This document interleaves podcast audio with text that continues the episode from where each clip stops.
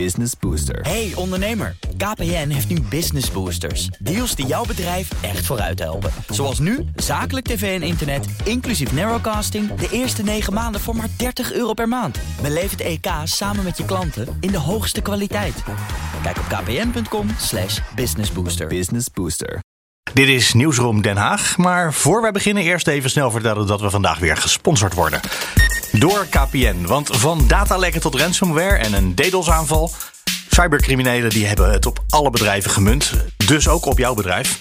En ook als je zelf alles goed voor elkaar denkt te hebben... dan kan een hack bij een van je leveranciers grote gevolgen hebben. En daarover gaat het in de nieuwste aflevering van de podcast KPN Digital Heroes. Daarin hoor je in 30 minuten hoe je jouw bedrijf optimaal beveiligt. Je kunt niet over de formatie praten zonder over corona te praten. Dat kan toch niet? Het heeft allemaal met elkaar te maken. Dat is eh, zeker waar. Alles gaat door elkaar inlopen vandaag weer. Net als altijd. Dat vind ik ook weer een geruststelde gedachte. Ik doe elke week wel mijn best om een beetje er een structuur Ja, in te krijgen. Poging om er structuur in te krijgen. Het gaat ook vandaag Dat is weer niet jouw lukken. taak. Even kijken, wie horen we tot nu toe allemaal? We horen tot nu toe Sophie van Leeuwen, Thomas van Groningen. En Thomas zit thuis, Sophie in de studio Den Haag. En naast haar, op anderhalve meter afstand, heb ik net gehoord... Martine Wolzak. En in Twee Amsterdam, twee meter af zelfs. Eh, Martine is natuurlijk vandaag redactie van het Financieel Dagblad. En in de Amsterdamse studio zit ik in mijn eentje. Mark Beekhuis. Dit is Nieuwsroom Den Haag van vrijdag 12 november. En eh, nou ja, waar ik dus probeerde onderscheid te maken tussen corona en de formatie, blijk ik meteen al gecorrigeerd te worden vanuit Den Haag. Leg uit, eh, Martine, waarom we dat niet uit elkaar kunnen houden. Nou ja, eh, wat we allemaal horen is dat het gisteravond eh, in het katshuis, toen ze moesten praten over wat gaan we nou doen de komende weken, niet heel gezellig was. Nou, dit zijn dezelfde partijen die.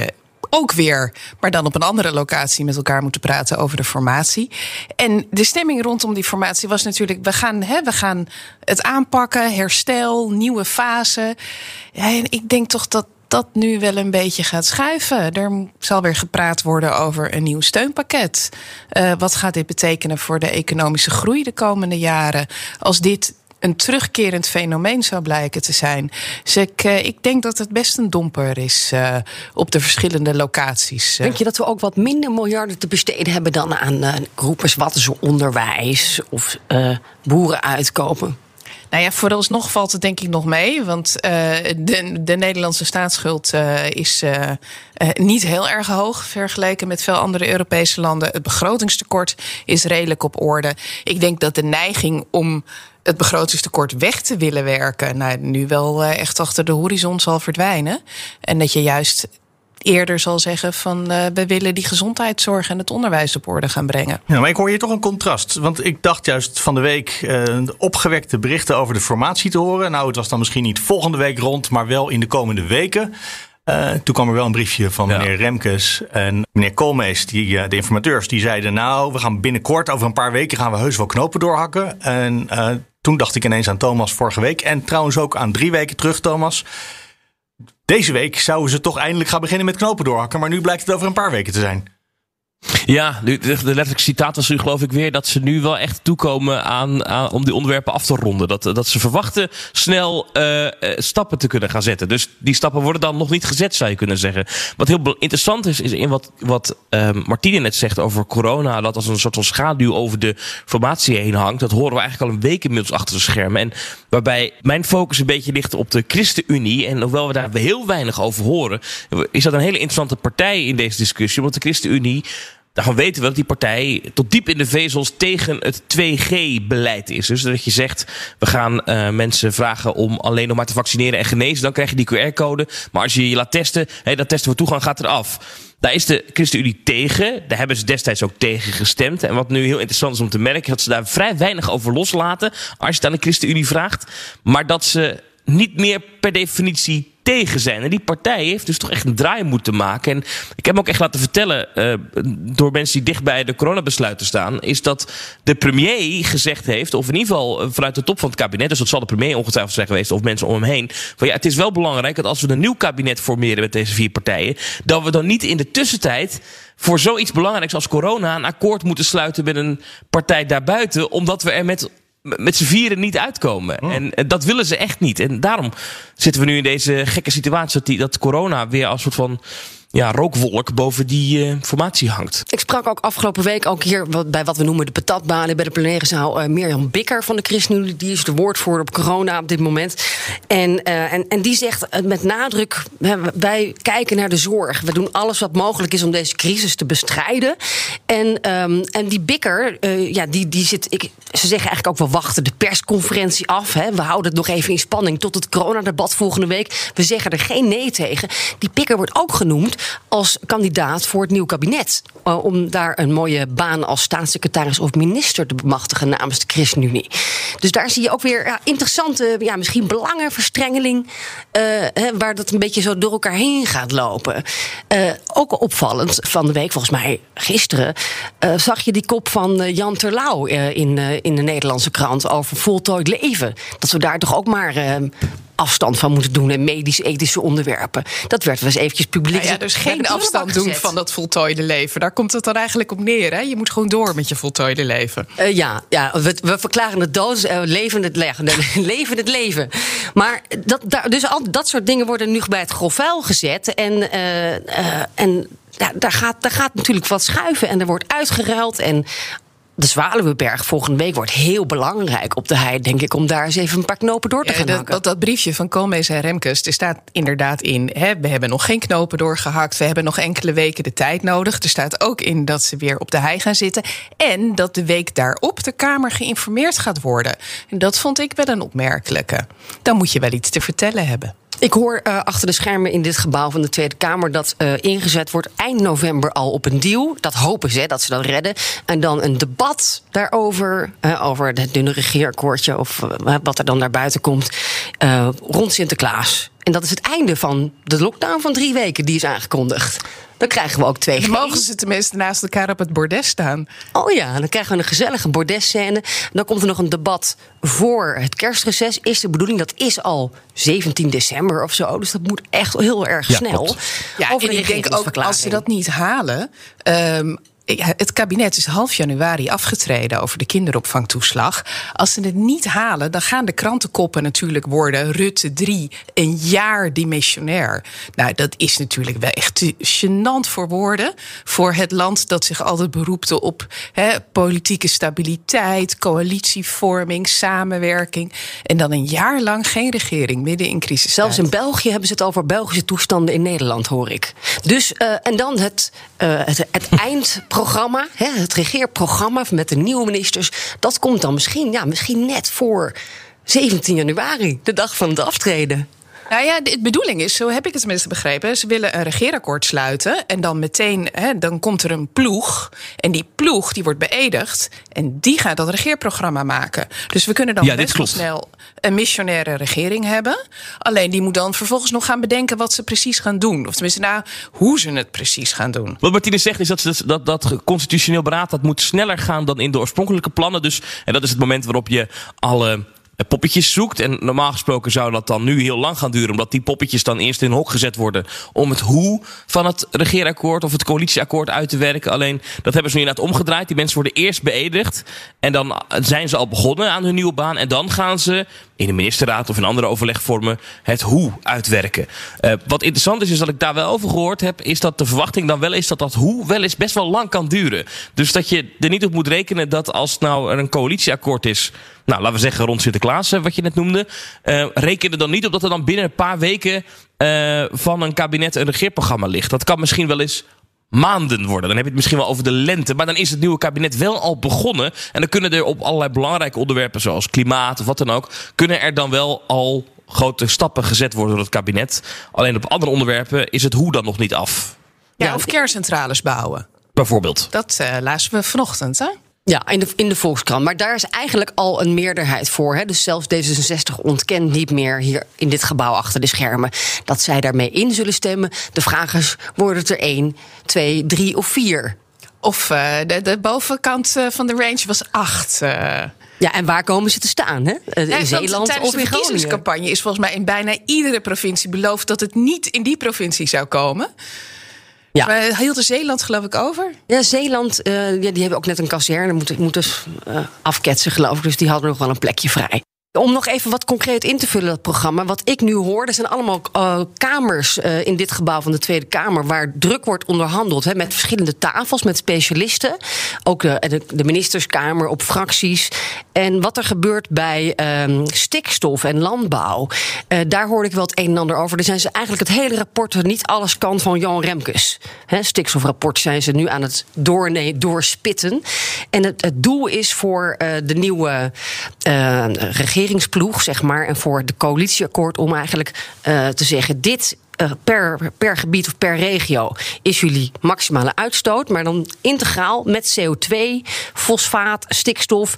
En dan moeten jullie gaan uitvogelen hoe jullie dat dan samen oplossen. Ook met de industrie staat er een fabriek die moet iets doen, de boeren moeten iets doen. Iedereen draagt zijn steentje bij. Dus het wordt een integraal plan. En dan is dat de volgende stap volgend jaar voor hè, het regeringsprogramma. Hoe ga je dat dan uitvoeren? Ja, ik, er was van de week een uh, technische briefing over de aanpak van uh, stikstof. Ik weet niet of je die hebt meegekregen.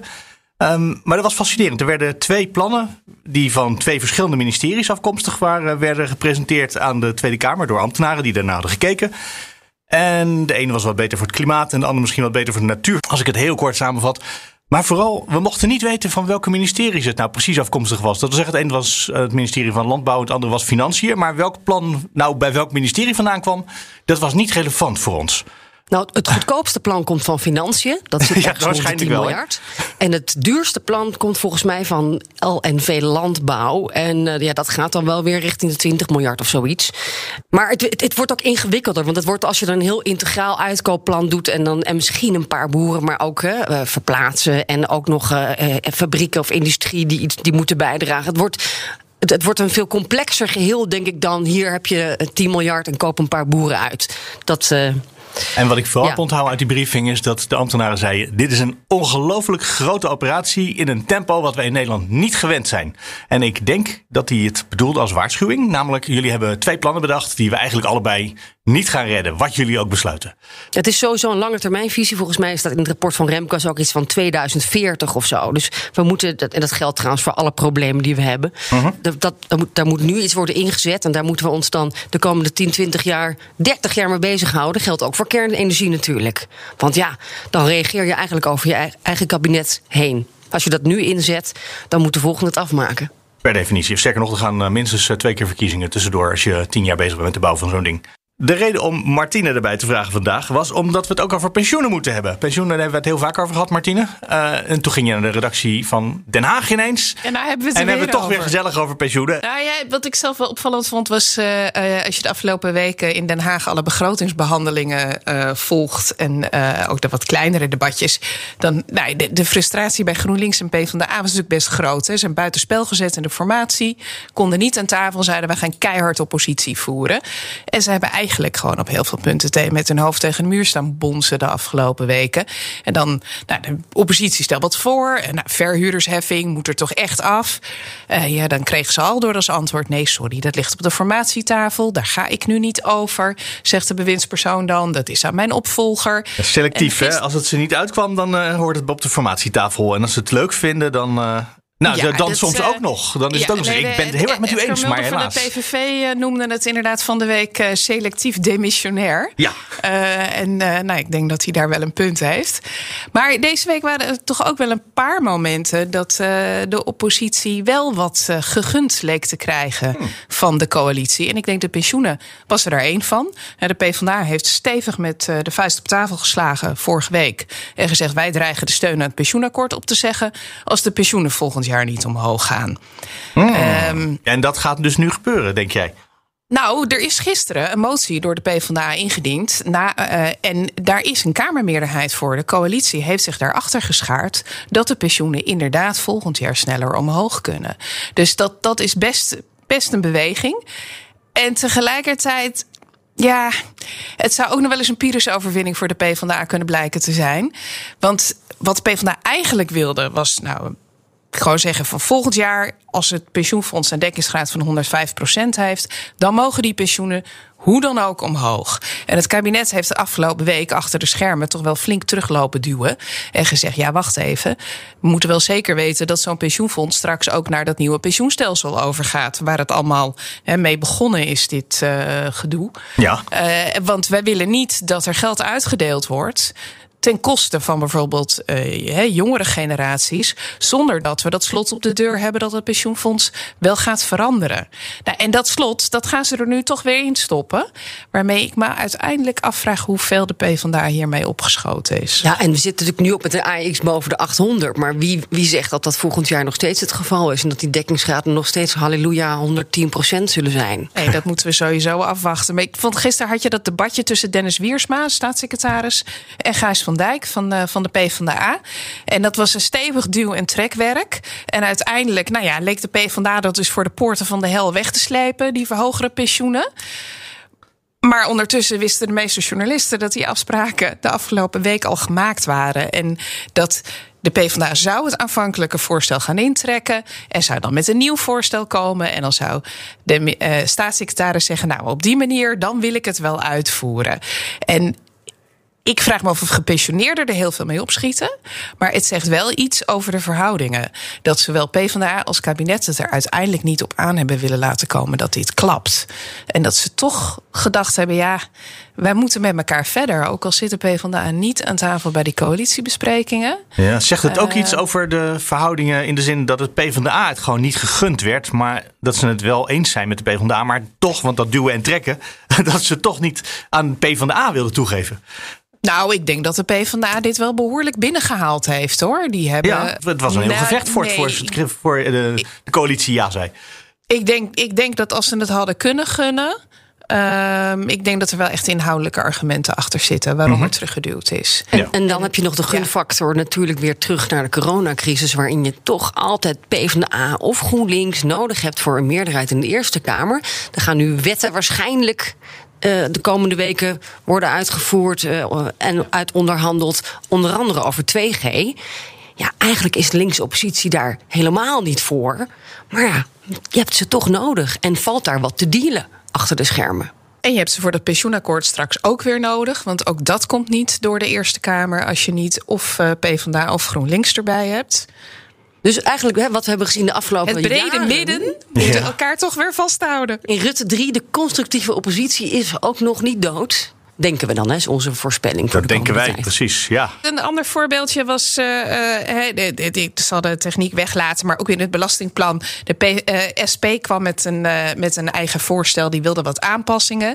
En dat staatssecretaris Veilbrief heeft dat overgenomen. En daarbij ook, nou echt, ik wil de credits geven aan de SP. Eh, hè, dat dit, eh, goed dat ze dit onder de aandacht hebben gebracht. Ik ga dit eh, meenemen. Ik ga mijn wetsvoorstel aanpassen. Terwijl die zijn hele verhaal begonnen was met... ja, u gaat allemaal heel erg geïrriteerd zijn... want ik kan niks, want ik ben demissionair... en ik ga de hele tijd zeggen, dit ligt op de formatietafel. Maar ik ben selectief demissionair. Weer selectief demissionair. Heel snel eventjes naar eh, een andere wet die gisteren besproken werd. Ook, eh, jij noemde net al eh, Van Dijk van de PvdA. Die heeft zelf ook een wet geschreven voor een nieuw minimumloon. Wat iets hoger ligt. En dat wil zeggen niet per maand, maar per uur. Een minimumuurloon. Dat is iets wat eigenlijk alle partijen zeggen te willen. Hebben jullie het idee dat die wet er gaat komen als alle partijen het willen? Maar het komt toch van Partij van de Arbeid en inmiddels ook ondersteund door GroenLinks? Nou, ik, kijk, dit, wat, wat PvdA zelf zegt, dit is een test voor de nieuwe bestuurscultuur. Er is een meerderheid, alle verkiezingsprogramma's staat... wij willen een hoger minimumloon van tussen 10, 14 euro, varieert dat. Eh, dus daar zit nog wel heel veel verschil tussen. Eh, ja, de vraag is, is dat dan iets voor de formatietafel? Of eh, gaan we nu al, dat is dan dus de eerste stap die zij willen zetten... het minimum uurloon vastleggen. Hè? Want we hebben, in Nederland hebben we geen minimumuurloon. We hebben een minimum maandloon. En daar zit dus heel veel variatie in eh, tussen mensen die 40 uur werken of 36. Hoe meer je werkt, hoe minder je per uur betaald kunt worden. Helemaal scheef. En of die eerste stap gezet gaan worden, ja, het zou ook een, een aardig cadeautje kunnen zijn. En inderdaad een teken van de nieuwe bestuurscultuur. Om te zeggen: Weet je wat, dat doen we nu. En dan gaan we in informatie praten over. ehm, wat is dan dat minimumuurloon? Is dat dan 10, 11, 12, 13 of 14 euro per uur? Dat is de SP, geloof ik, die dat wil. 14 euro gaat niet gebeuren. Zit er nu bijna 10, denk ik, hè? 9, nog wat. Zoiets, ja. Kun je in Nederland natuurlijk niet echt van leven? Ja, en, en een belangrijke is, uh, uh, uitkeringen en uh, AOW zijn eraan gekoppeld. Dus als je het minimumuurloon, maandloon verhoogt dan gaan die in principe ook omhoog. Behalve als je die koppeling loslaat. Uh, dus het kan hele grote budgettaire effecten hebben. Ja, als je het maandloon omhoog gooit, dan gaan die andere ja. uitgaven mee. Maar als je het uh, minimumloon per uur omhoog doet, ja, je kan ook gewoon twee uur per week werken, dan heeft dat daar geen invloed op, hè? Nee, nee, nee. Het gaat gewoon om het tarief. Ja. Dus nee, de, die koppeling die is er. En dan, dan stijgt de rest mee. Ja. En ja, dat gaat, dat gaat om heel veel geld. Dat is ook een van de, van de discussiepunten in hè, willen we een hoger minimumloon. Nou, bijna alle partijen zijn voor een hoger minimumloon. In welke mate? Uh, maar zoals Sofie al zei, ja, er zit nogal een grote bandbreedte. Uh -huh. uh, en dan heb je ook nog de discussie in de koppeling met, met de uitkeringen. Want nou ja, je kunt je voorstellen, zeker aan de linkerkant is, willen ze vaak die koppeling één op één vasthouden. En de VVD bijvoorbeeld staat daar wat minder enthousiast tegenover. Ik geloof dat CDA op Koekstraat tijdens zijn geweldige campagne voor de verkiezingen uh, uiteindelijk zei: laten we het fiscaal oplossen. Dat kan ook. Dus werken moet lonen, minder belasten. En op die manier zit je niet met die uitkeringen, maar kun je wel werkende mensen meer geld geven. Of dat eigenlijk meer geld laten houden. Nou ja, dat gesteggel, dat is allemaal voor de Zwaluwenberg hè, komende week. Gaan we nu niet oplossen, denk ik. Nou ja, het is voor de Zwaluwenberg. Maar dinsdag moet hier natuurlijk over gestemd worden. Wat je natuurlijk wel krijgt, zoals die vier partijen die nu uh, coalitieonderhandelingen doen. Ja, als die dan tegenstemmen, dan wordt het heel lelijk plaatje natuurlijk op social media. Dat zie je wel. Jullie zijn toch voor het volgen van het minimumloon. En dan vervolgens uh, ligt er een oplossing hè, met, om naar een uurtarief over te stappen en dan duren niet mee. Nou, dat, ik ben benieuwd. Dat, dat wordt een lelijk plaatje natuurlijk weer. Wat we ook al ja. gezien hebben met, met, met Glasgow. Ja, ja, met oh. zorgsalarissen. Nou ja, zo zijn er nog wel meer dingen. Waarvan het kabinet zei: nee, nee, dat is, we zijn nu demissionair, dat is het volgende kabinet. En dan uiteindelijk wordt de druk opgevoerd en dan gaan ze er toch in mee. Dat wordt interessant. Zeker. En we hebben ook nog eens verbinding nu met Glasgow, waar dan weer Orla McDonald zit de klimaatverslaggever van het Financieel Dagblad. Hey, hallo, goedemorgen. Het is politiek, hè, uiteindelijk, wat er daar gebeurt. Ja, het is uh, diplomatie op het uh, allerhoogste uh, niveau hier, ja. Dit is de laatste dag officieel. In de praktijk gaan ze op zaterdag altijd nog eventjes door, hè? Dus mag je vanavond al naar huis of wordt het toch morgen? Nee, ik heb zelfs mijn vlucht omgeboekt naar maandag. zo, zo ziet het er nu op dit moment uit. Nee, niemand denkt eigenlijk hier dat het vandaag um, afgelopen is. Aan de ene kant liggen er nog heel veel uh, dingen op de onderhandelingstafel die afgesproken moeten worden. Aan de andere kant is het ook een beetje een spelletje. Um, als landen naar huis kunnen gaan met het bericht, nou we hebben er alles aan gedaan om er een deal van te maken, uh, of we hebben echt uh, er heel hard aan getrokken, dan uh, komt het altijd beter over. Er zat echt dus, niet meer in dan wat we nu bereikt ja, hebben. Ja, dus dat, dat speelt ook altijd mee in het verlengen van dit soort ja, dip diplomatieke onderhandelingen, zeg maar. Ik wil zo horen hoe het is om naar de wandelgangen te lopen. Eerst even naar de Haagse wandelgangen. Speelt eigenlijk die klimaattop deze week nog een rol? Of is dat allemaal van tevoren uitonderhandeld en moeten ze dat in Glasgow nou maar oplossen? Nou, ik kwam gisteren wel uh, van Raan, van de Partij voor de Dieren tegen in de wandelgang. Die zegt: Kom even hier, Sofie, even een kopje koffie drinken. Die begon te vertellen over zijn klimaatdepressie.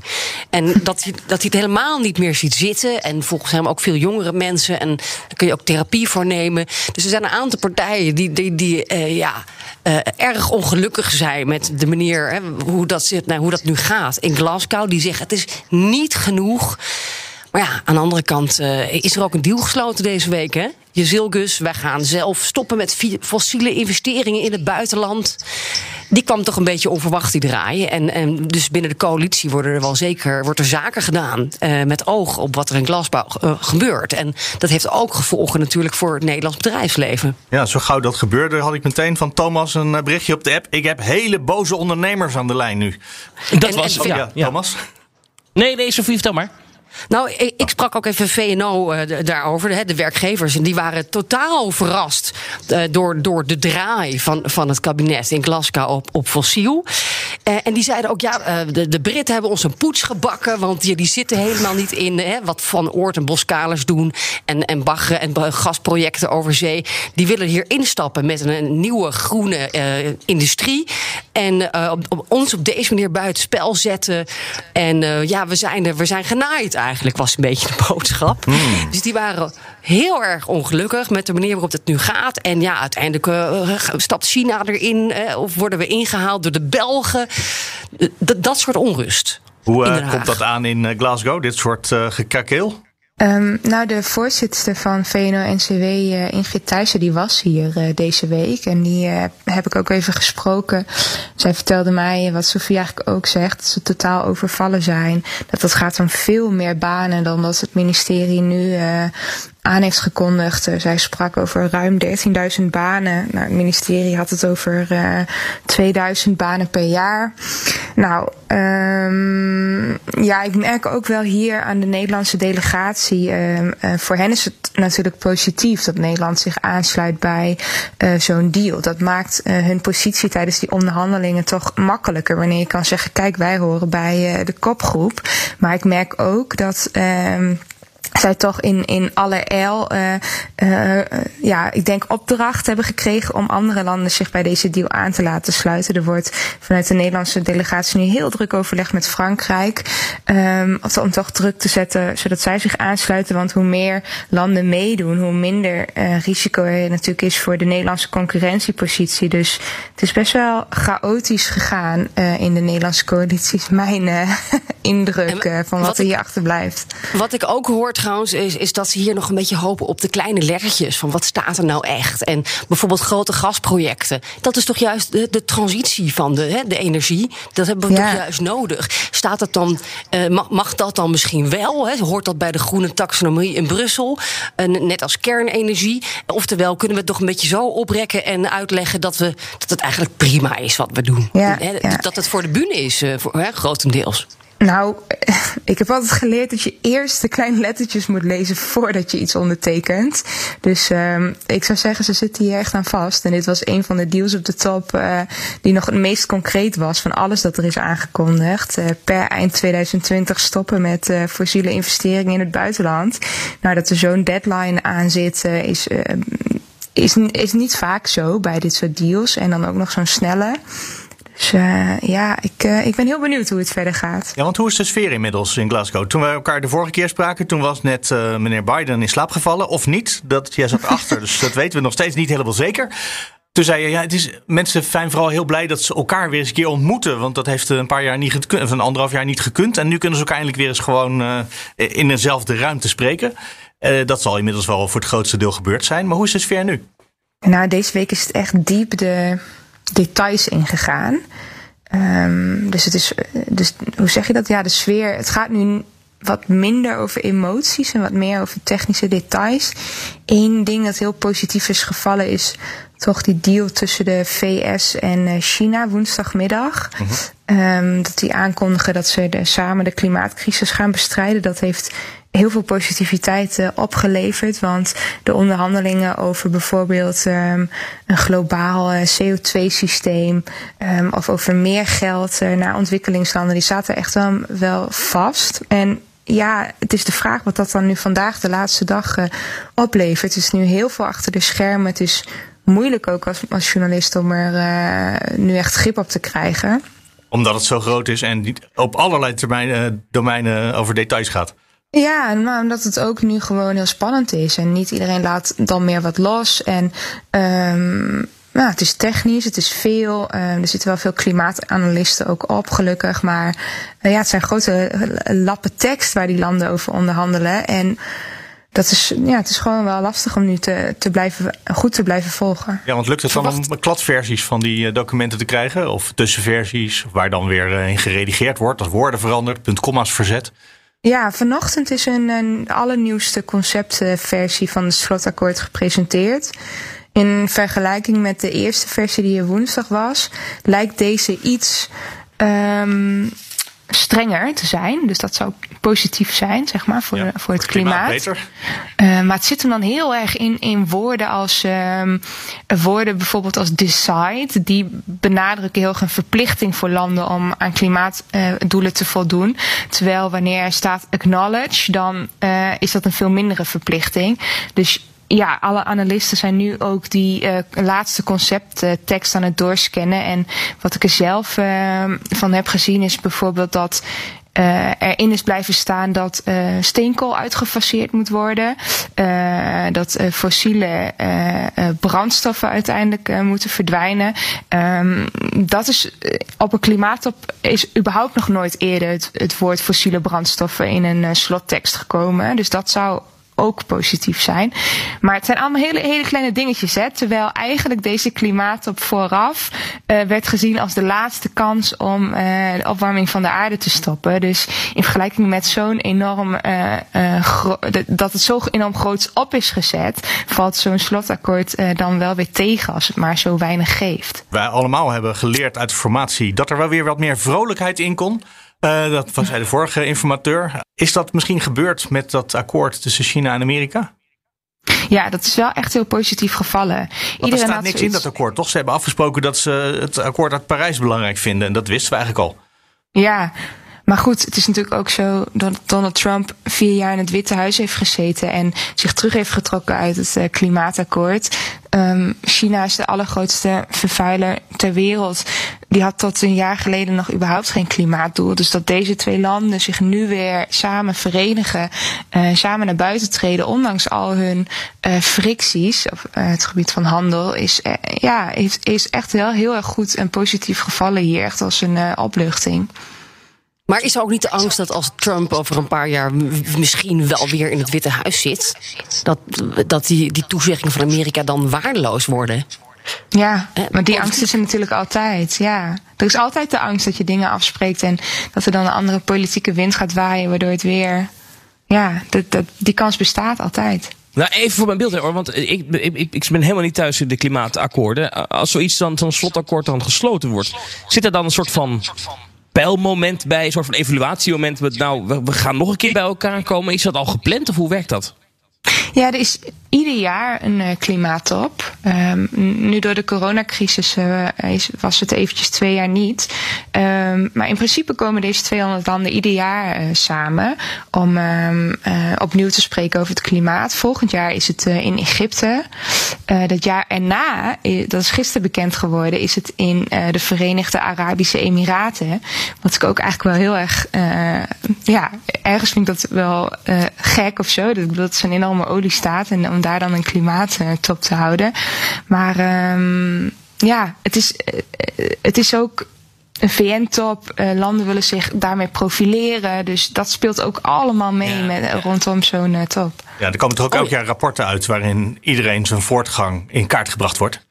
Mhm, ja, ja, klopt. Dus eh. zelfs als je het niet eh, verplichtend is, komt er nog steeds wel een soort eh, lijst voor naming en shaming als je dat erin wil zien. Ja, het is niks op deze top is verplicht, maar op de een of andere manier werkt dat naming en shaming toch wel eh, goed. Landen staan echt niet eh, graag te boeken als, eh, als dwarsligger of als ehm, ja, klimaatskepticus, zeg maar.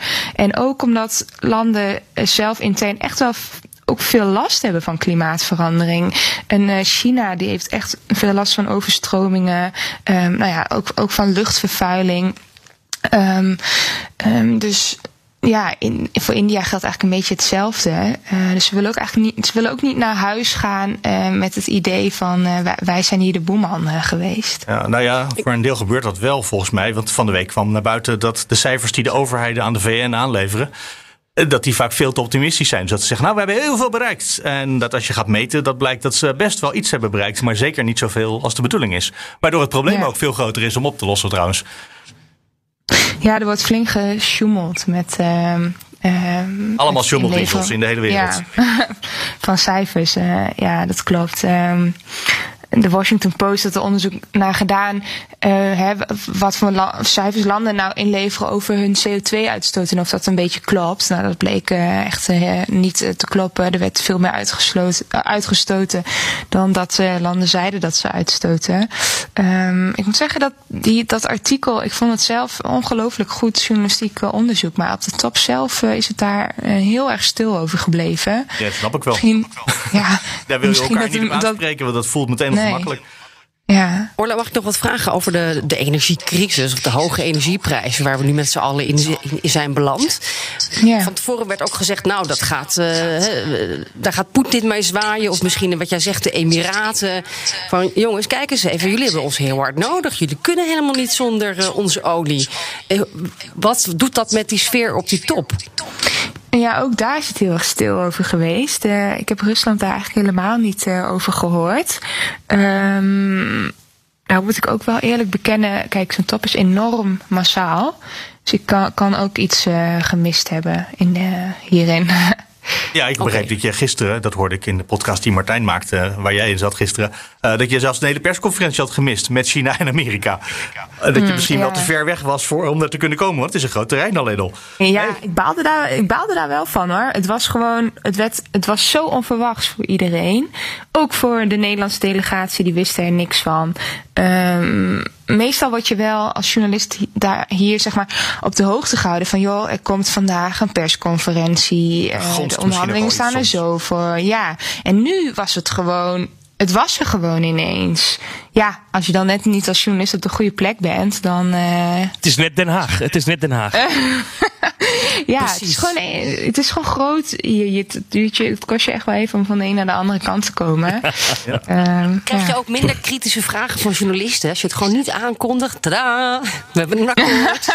Niemand heeft zich voorbereid. Ja, misschien, misschien, nou je dit zo zegt, is dat ook wel onderdeel ervan. Maar het is wel zo trouwens. Uh, ik zag John Kerry nog wel uh, die avond uh, door het centrum lopen. Nou, die man die kan echt niet van de een naar de andere kant komen zonder dat hij besprongen wordt door tig journalisten. Dus uh, dan moet hij alsnog iets uh, zeggen. Dus uh, ja. ja. Heb je gesproken? Uh, nee, helaas, helaas. Het, er vormt zich dan zo'n heel snel zo'n zo'n bubbel van journalisten omheen. En ja, ik weet niet. Ik, ik, ik dwarrel er dan een beetje omheen. Maar ik heb mijn kans nog niet gezien om hem echt aan te spreken. Dan moet je ook in zo'n scrum gooien. Echt gewoon er vol doorheen gaan. ja, nou, het gaat wel, het gaat bruut hoor, soms. Er zijn ook allemaal VN-bewakers die hem dan natuurlijk afproberen te schermen. Die, uh, nou, dan, dan ben ik niet de persoon die dan zegt, ik, uh, sorry, ik wil toch even langs. Hoe is dat maar, in Den Haag, Thomas? moet je daar ook af en toe nou, door ja, de beveiligers heen?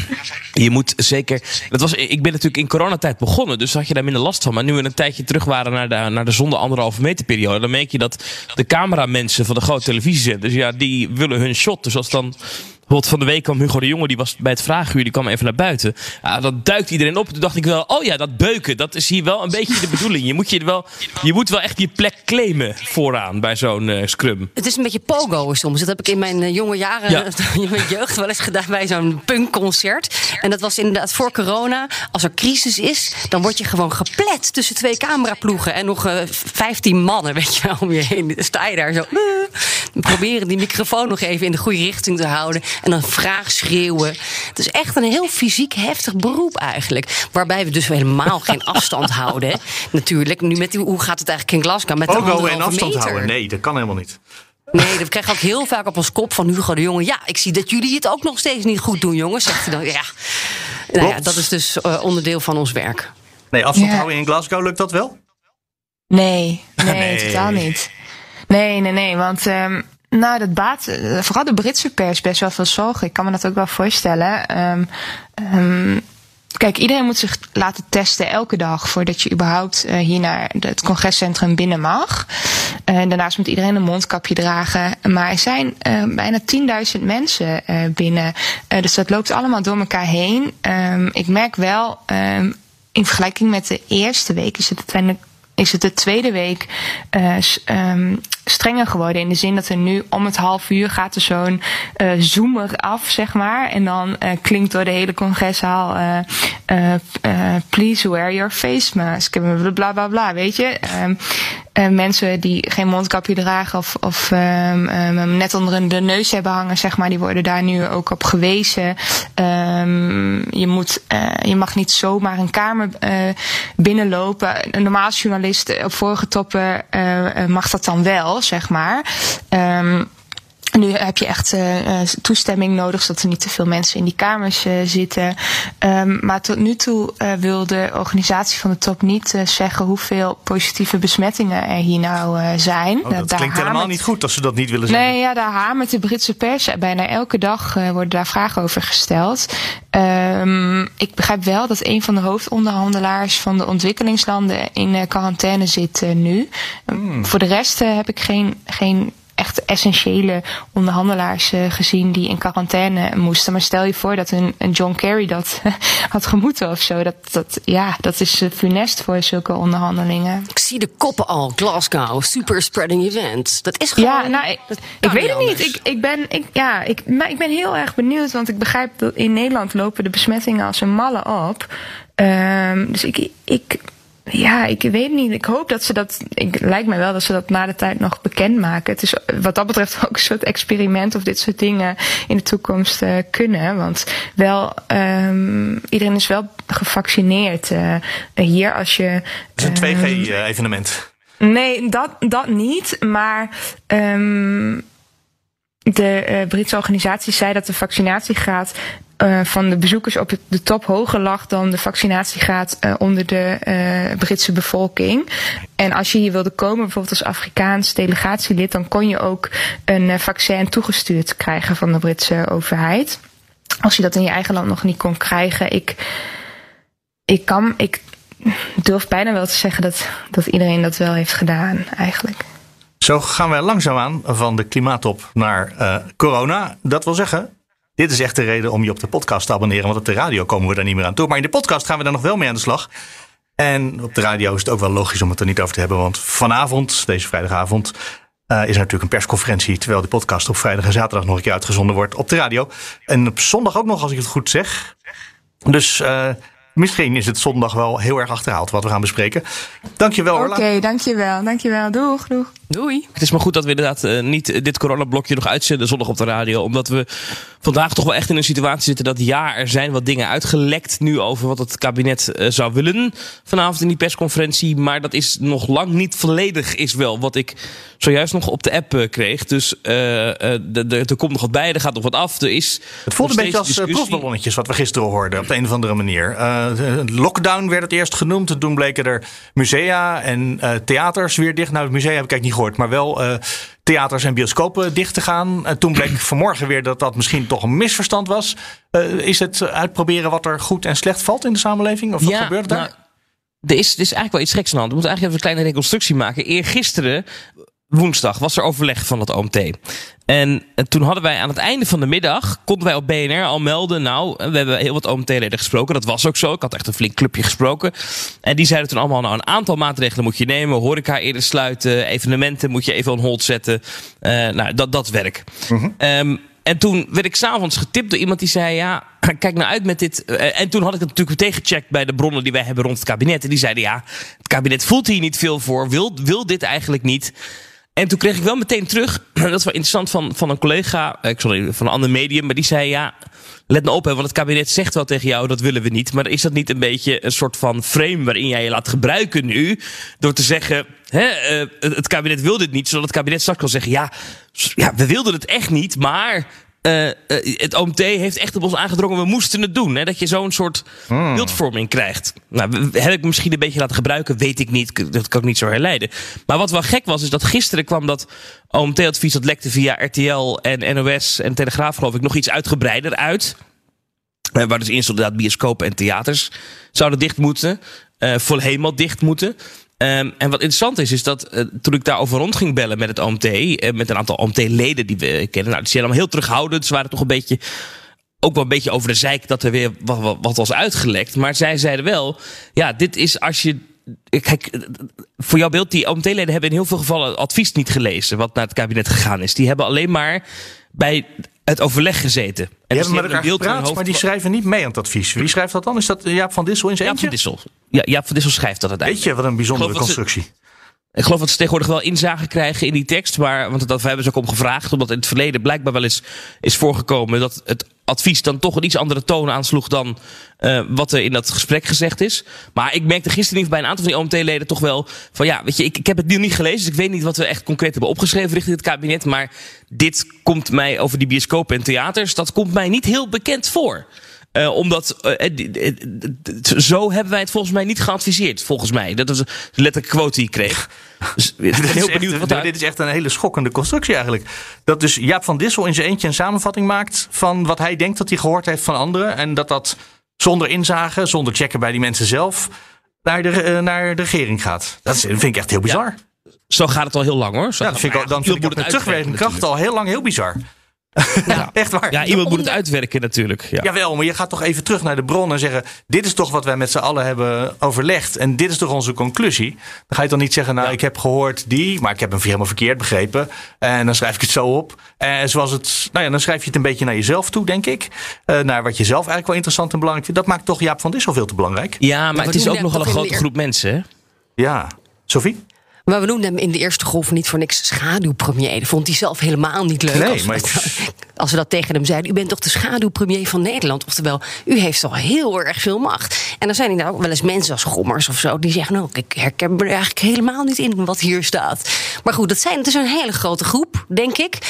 En, maar was het ook niet misschien toch nog even selectief lekker van het kabinet... om te kijken Nou ja. hoe de, de culturele sector zou reageren? Die ontplofte gisteren werkelijk. Nou, precies. En dat is precies wat je zegt, eh, Sophie. Eh, eh, ik kreeg daarom op basis van die gesprekken die ik had met die OMT-leden toch een beetje het gevoel. Ik weet niet wie uiteindelijk dit gelekt heeft naar, naar die media. Dat weet ik niet. Ik zal die media ook niet eh, beschuldigen. Die zullen het ongetwijfeld bij meerdere bronnen gecheckt hebben.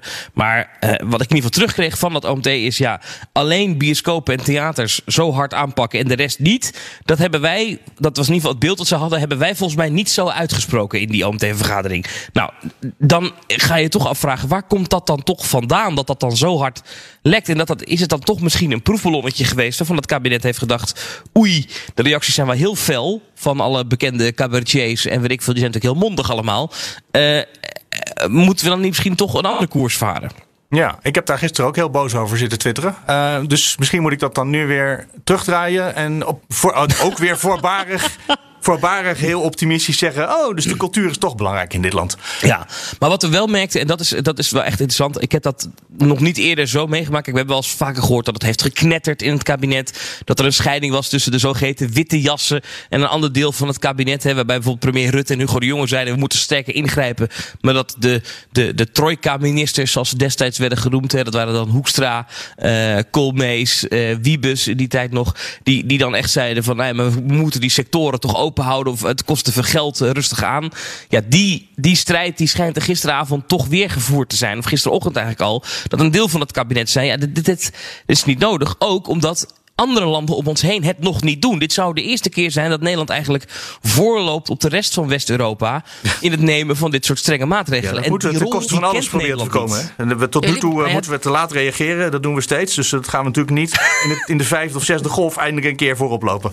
We liepen Ja, ook een beetje ja. voorop met het afschaffen van de anderhalf meter. Het was een ontzettende voorloper waren we daarin. Ja, toen wel. Ja, Eh, maar maar vroeg geweest misschien. ja. Oh my god. Ik hoor nog een kleine overwinning van jou, eh, Thomas. Eh, Dat eh, binnenkort de Efteling ook gewoon een, eh, in de coronamaatregelen opgenomen gaat worden. Vanaf vandaag, de vrijdag eh, de 12e, dus dat is vandaag als we ja. het opnemen, eh, moeten zij zich aan de coronamaatregelen gaan houden. Want het Maar de burgemeester gaat nog even twee weken wachten met handhaven, toch? Nee, nee, dat is, Nee? nee? dus, ze hebben dat dinsdag bekendgemaakt en vanaf vandaag gaan ze het ook handhaven.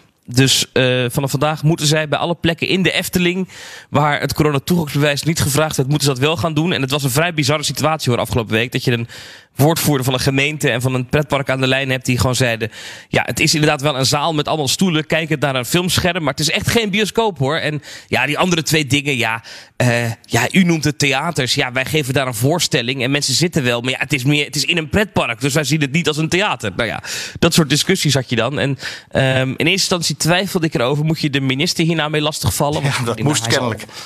Hij zal ongetwijfeld uh, zeggen: ik ga niet op individuele gevallen in. Maar gek genoeg, uh, afgelopen week uh, wilde Hugo de Jonge wel zeggen: nou ja, alles waar je buiten de Efteling een coronatoegangsbewijs moet vragen, ehm, daar moet je dat binnen zo'n pretpark ook doen. Dus zo'n burgemeester die dan bedenkt dat hoeft niet, ja, die moet dat toch zeker wel gaan doen. En nou ja, daar is toen in eerste instantie een reactie gekomen vanuit uh, dat dorp met uh, gaan we toch echt niet doen vanuit de gemeente Dan op Zand. Hanne van Aert is daar de burgemeester van de VVD. Uh, eh, maar toen kwam er toch wel wat maatschappelijke druk. Want het is wel een vrij bizarre situatie als een minister iets ja, verordoneert en zegt dit moet zo. Dat de burgemeester dan zegt nou doe ik niet. Ja. en toen de dag erna is er collegevergadering geweest. Blijkbaar begrijp ik ook dat het, de emoties daar hoog zijn opgelopen. men was vrij boos op mij maar goed, oké. Uh, maar dat men uiteindelijk toch daar bakcel heeft gehaald. En nu gaan ze zich toch aan de regels houden.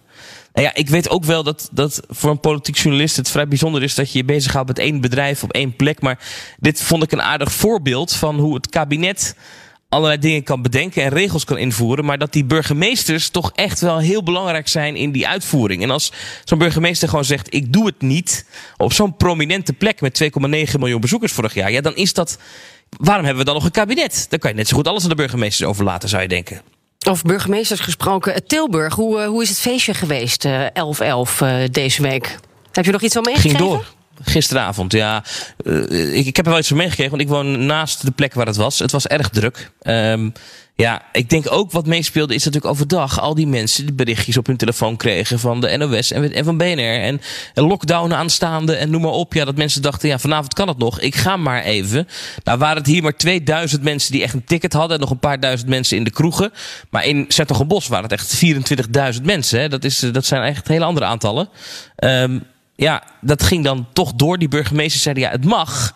Ja, die hadden niet het gevoel, wij moeten voorop lopen op wat het kabinet gaat beslissen. Het is dom en onverstandig, maar het mag, dus we gaan het gewoon doen. Zoiets.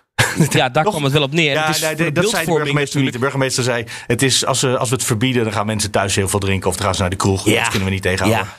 Ja. ja. En toch is het Kijk, wat, een onhandig signaal. Het punt is, is dat, dat Brabant qua beeldvorming in de rest van Nederland helemaal niet zo lekker voor staat als het gaat om corona. Het was de eerste plek waar corona ons land binnenkwam. Het was de plek waar de grootste eerste piek was, namelijk in Tilburg. Met carnaval. Met uh, corona, met carnaval. Uh, en we ja, je zou denken als het ergens het bericht aangekomen is dat er mensen sterven aan uh, corona, dan zou het in Noord-Brabant moeten zijn. Maar dat is kennelijk toch niet aangekomen. Of iedereen die overgebleven is denkt, nou ik heb de eerste golven gehad. Ik overleef die andere ook wel. Ja, dat, dat, dat gevoel. Ja, dat, ik ben nu een beetje de correspondent Zuid-Nederland hier dan in deze podcast. Ja, als je dat graag wil. Ja, nou dat, dat is wel wat je hier in de omgeving hoort.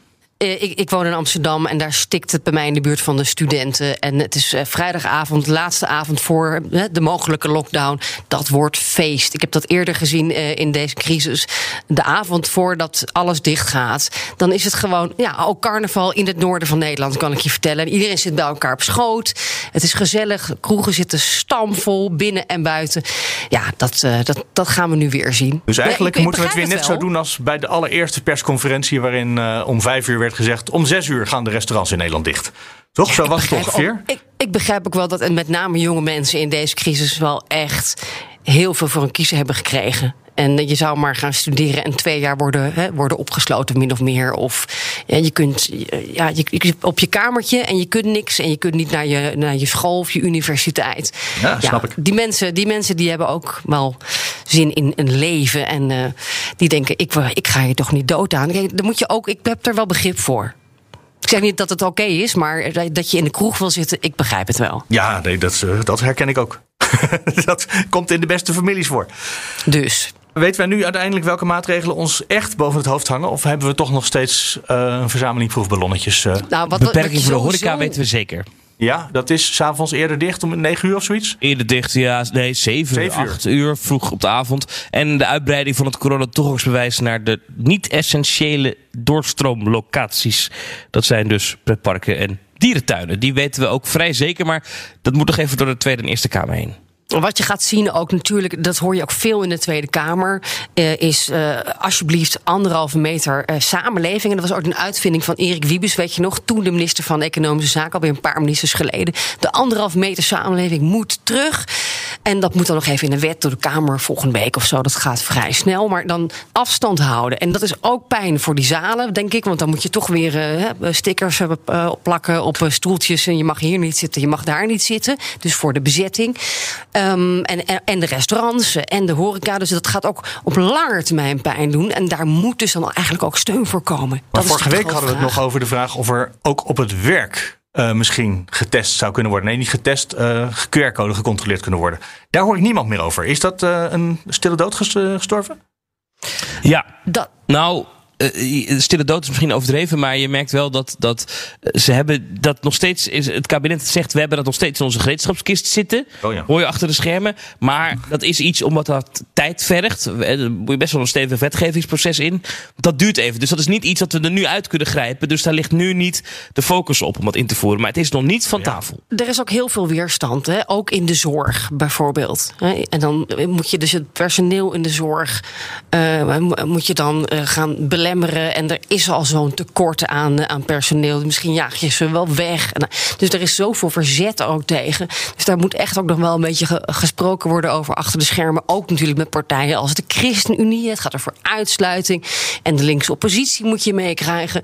Dat geldt natuurlijk ook voor. Hè, dus heb je dan 2G. Uh, eh, je hebt een QR-code op het werk. Je hebt 2G ja, is, is iets wat uh, niet helemaal lekker ligt. En daar is tijd voor nodig, ook voor de wetgeving. Uh, ik denk niet dat we dat nu morgen gaan invoeren. Dat, uh, dat redden ze gewoon niet. Ik denk dat we aan het einde komen. Nou, ik zie net, wel weer het opnemen, een persbericht binnenkomen van Koninklijke Horeca Nederland. Die, en dit, dit is wel echt het probleem voor het kabinet. dit is een grote brancheorganisatie die zegt: wij gaan helemaal niet dicht om 7 uur. Dus je kan het zeggen, maar we blijven open. Lekker. Ja. See you in court, denk ik, als je dat hoort, hè? Ja, maar ja, je, ja, dat is er zijn 60.000 horecabedrijven in Nederland. Dat is wel pittig als je die allemaal... Uh, hm? Als je die allemaal moet sluiten. allemaal naar de rechter moet gaan. Dat wordt wat. Nou, gewoon een dwangsom per dag die hoog genoeg is dat geen enkele avond uit kan. Uh, dat is volgens mij simpel op te lossen. Maar goed, ik zie de dingen altijd veel te simpel. Ik ren even naar de ministers. Uh, die komen bij de ministerraad samen om eens eventjes dit voor te leggen. Daar zit vast nieuws in. Succes daar. Dat denk Hou ik wel. op de hoogte. Ja. Sophie van Leeuwen, die rent naar de ministers. Thomas van Groningen, die blijft gewoon lekker in Tilburg zitten vandaag. Of nee, dat zal vast niet. Jij zal straks naar uh, nee, de Friday ik Move moet nog naar Wilfred Genevenmiddag, de Friday Move... en dan naar de persconferentie. Dus een volle agenda nog. Oké, okay, nou dan heb ik gewoon een hele rustige dag relatief. Want ik zit lekker in Amsterdam en ik uh, blijf nog even hier. Volgende week zijn we er weer met een nieuwe aflevering van Nieuwsgroep Den Haag. Dankjewel Thomas Groningen, dankjewel Sophie van Leeuwen.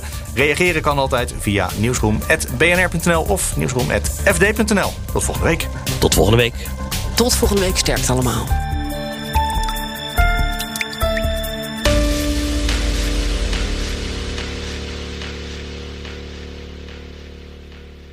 Business Booster. Hey ondernemer, KPN heeft nu Business Boosters. Deals die jouw bedrijf echt vooruit helpen. Zoals nu, zakelijk tv en internet, inclusief narrowcasting... de eerste 9 maanden voor maar 30 euro per maand. Beleef het EK samen met je klanten in de hoogste kwaliteit.